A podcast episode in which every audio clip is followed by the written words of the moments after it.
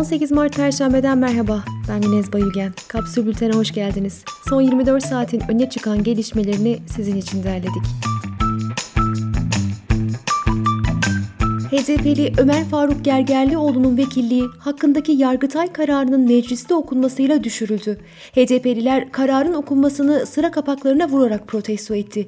Gergerlioğlu ise hiçbir yere gitmiyorum, ben bu milletin milletvekiliyim, milletin iradesiyle geldim buraya diyerek meclisten çıkmama eylemi başlattı. Bu esnada Anadolu Ajansı bir haber geçti. Yargıtay Cumhuriyet Başsavcısı Bekir Şahin, HDP'nin kapatılması istemiyle AYM'de dava açtı.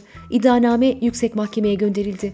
Boğaziçi protestolarında ikisi tutuklu 7 kişinin yargılandığı davanın ilk duruşmasında tutuklu öğrenciler Selahattin Can Uğuzeş ve Doğu Demirtaş'ın tahliyesine karar verildi.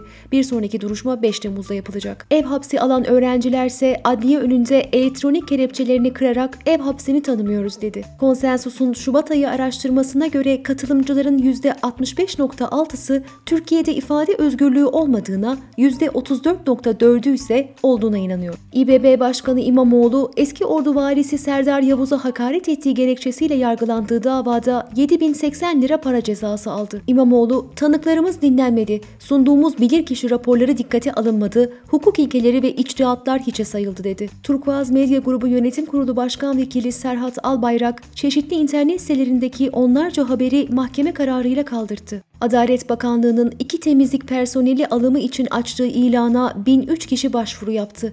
Asgari ücret ödeneceği belirtilen ilana başvuranların 231'i lisans ve ön lisans mezunlarından oluşuyor. İstanbul Salacak sahilinde 4 kişi gece saatlerinde ağaçları keserken yakalandı. İkisi yetişkin olmak üzere toplam 6 ağacı kesen şahıslar ağaçları neden kestiklerini söylemedi. Bakanlığın rehberine göre ikinci doz aşıyı almasının üzerinden 14 gün geçen kişiler temaslı olsa da karantinaya alınmayacak.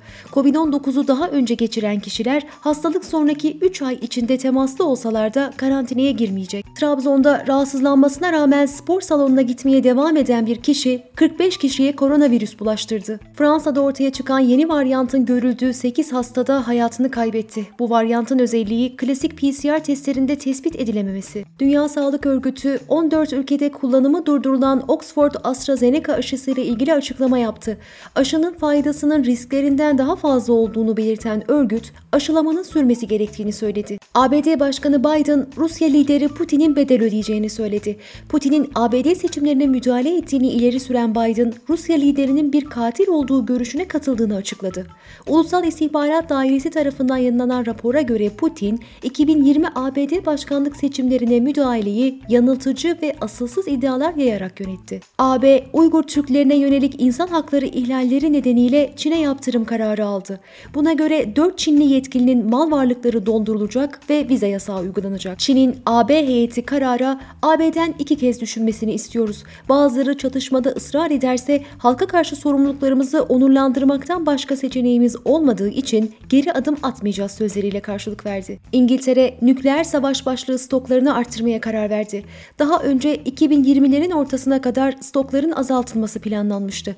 Ayrıca güvenlik, savunma ve dış politika stratejisinde Rusya en ciddi tehdit olarak tanımlandı. Instagram 18 yaşından küçüklere yetişkinler tarafından mesaj atılmasını sınırlandırıyor. Çocuk söz konusu yetişkini takip ediyorsa mesaj alabilecek. Ayrıca 18 yaşın altındakilere seri takip atanlar işaretlenecek. Pandemide Türkiye'deki motosiklet satışları %35 arttı. Motosiklet Endüstrisi Derneği'nin verilerine göre küçük hacimli motosiklet satışları da 2020'ye göre %66 artış kaydetmiş ve fiyatlar yaklaşık iki katına çıkmıştı. Akaryakıtta tüm illerde 2 ay süreyle tavan fiyat uygulanacak. Ayrıca fiyatlarda 17 ila 20 kuruşluk indirimler olacak. Tunceli Belediyesi'nin imzaladığı toplu iş sözleşmesiyle ortalama işçi maaşı 8 bin liraya yükseltildi. Kadınlara 25 Kasım kadına yönelik şiddete karşı Uluslararası Mücadele Günü, 8 Mart Dünya Kadınlar Günü ve her ayın belli bir günü regl izni verildi. LGBTİ artı çalışanlar da onur yürüyüşü gününde izinli sayılacak. Eski TÜİK Başkanı Birol Aydemir, AKP'nin kurumların rutin işlerini kamuoyuna reform program olarak sunduğunu söyledi. Aydemir, AKP ayrıca kaldırdığı bazı sistemleri geri getiriyor ve bunları da reform olarak duyuruyor.